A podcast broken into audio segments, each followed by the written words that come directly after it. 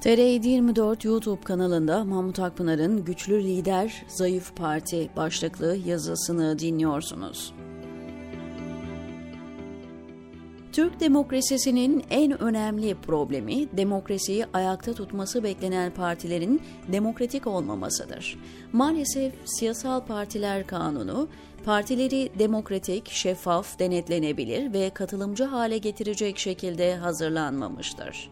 Hepimizin örnekleriyle bildiği üzere bir siyasi partiye lider olan kişi ölene kadar orada kalır. Güçlü bir şantaja veya sert bir başarısızlığa maruz kalana kadar koltuğu terk etmez. Eğer kurdukları parti kapatılmışsa yeni bir parti kurup liderlik koltuğunda oturmaya devam etmişlerdir. Bizde liderliği başkasına bırakan veya genç bir yeteneği öne çıkarıp mentörlük yapan yoktur. Mecburiyetten koltuğu terk etmek zorunda kalanlar yerine emanetçi lider bırakıp partiyi yine yönetmiştir. Bu durumun biraz da toplumun siyasi partilere bakışıyla ilişkili olduğunu düşünüyorum. Bizde halk partiyi değil lideri önemser, programa, hedeflere değil lidere oy verir.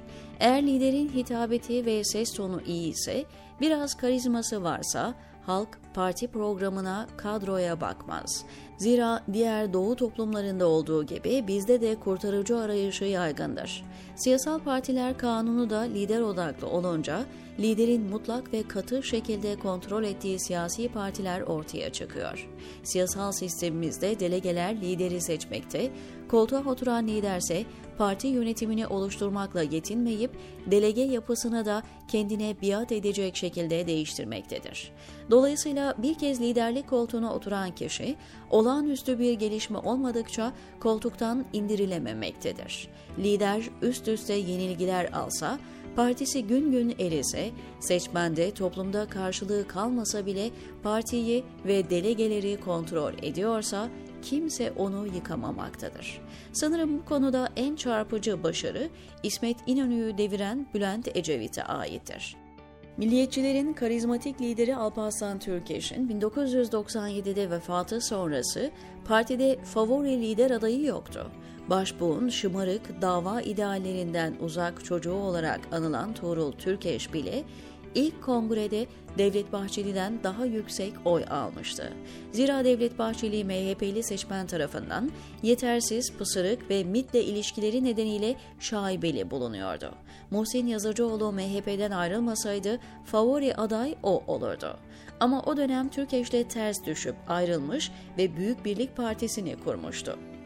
Günün sonunda MHP'de efsane Türk eşi mütakip, silik, yetersiz, karizmadan mahrum Devlet Bahçeli genel başkanı oldu. Defalarca başarısızlık yaşamasına, bazı konularda 180 derece dönüşler yapmasına, son zamanlarda bunama alametleri göstermesine rağmen hala koltuğunda ve kimse indiremiyor. Doğu Türkistan'da kıyım oluyor, MHP'den gık çıkmıyor. Parti bütün suç şebekeleriyle iç içe. Uyuşturucu ticaretinden mafyatik yapılara kadar her olayın arkasından mutlaka MHP ile irtibatlı birileri çıkıyor. Bir cesur savcı dava açamıyor, gazeteler haber yapamıyor, aydınlar sorgulayamıyor. Ülke Ocakları Başkanlığı yapmış Sinan Ateş'in katilinin izleri MHP yönetimine çıktı ama bu bile Bahçeli'yi yıpratamadı. MHP yönetimini sarsamadı. Bahçeli hiçbir şey olmamış gibi olayların üstünü örtüp yola devam etti. Çünkü Türkiye'de bir partiyi ele geçirip delege dengesini lehinize yapılandırdıktan sonra sizi kimse değiştiremiyor. İktidar ortağıysanız veya hükümet size muhtaçsa yargıda dokunamıyor. Hiç iktidar olamasa, seçim kazanamasa da bizde lider değiştirmek imkansıza yakındır. Lider iktidardaysa Erdoğan örneğinde gördüğümüz üzere suça bulaşsa, ülkeyi soysa, anayasa ve yasaları dikkate almasa, toplumu bölüp ayrıştırsa da değiştirilemiyor. Yargı suçlara karşı harekete geçerse bu seçilmiş iktidara darbe oluyor. Yargıçlar, polis, bürokrasi darmadağın ediliyor. Siyasi parti liderleri muhalefette ise partiyi babasının malı gibi görüyor, asla koltuğu bırakmıyor. İktidar partisinin lideri ise sadece partiyi değil, ülkeyi tapulu arazisi sanıyor, halka marabaları gibi davranıyor.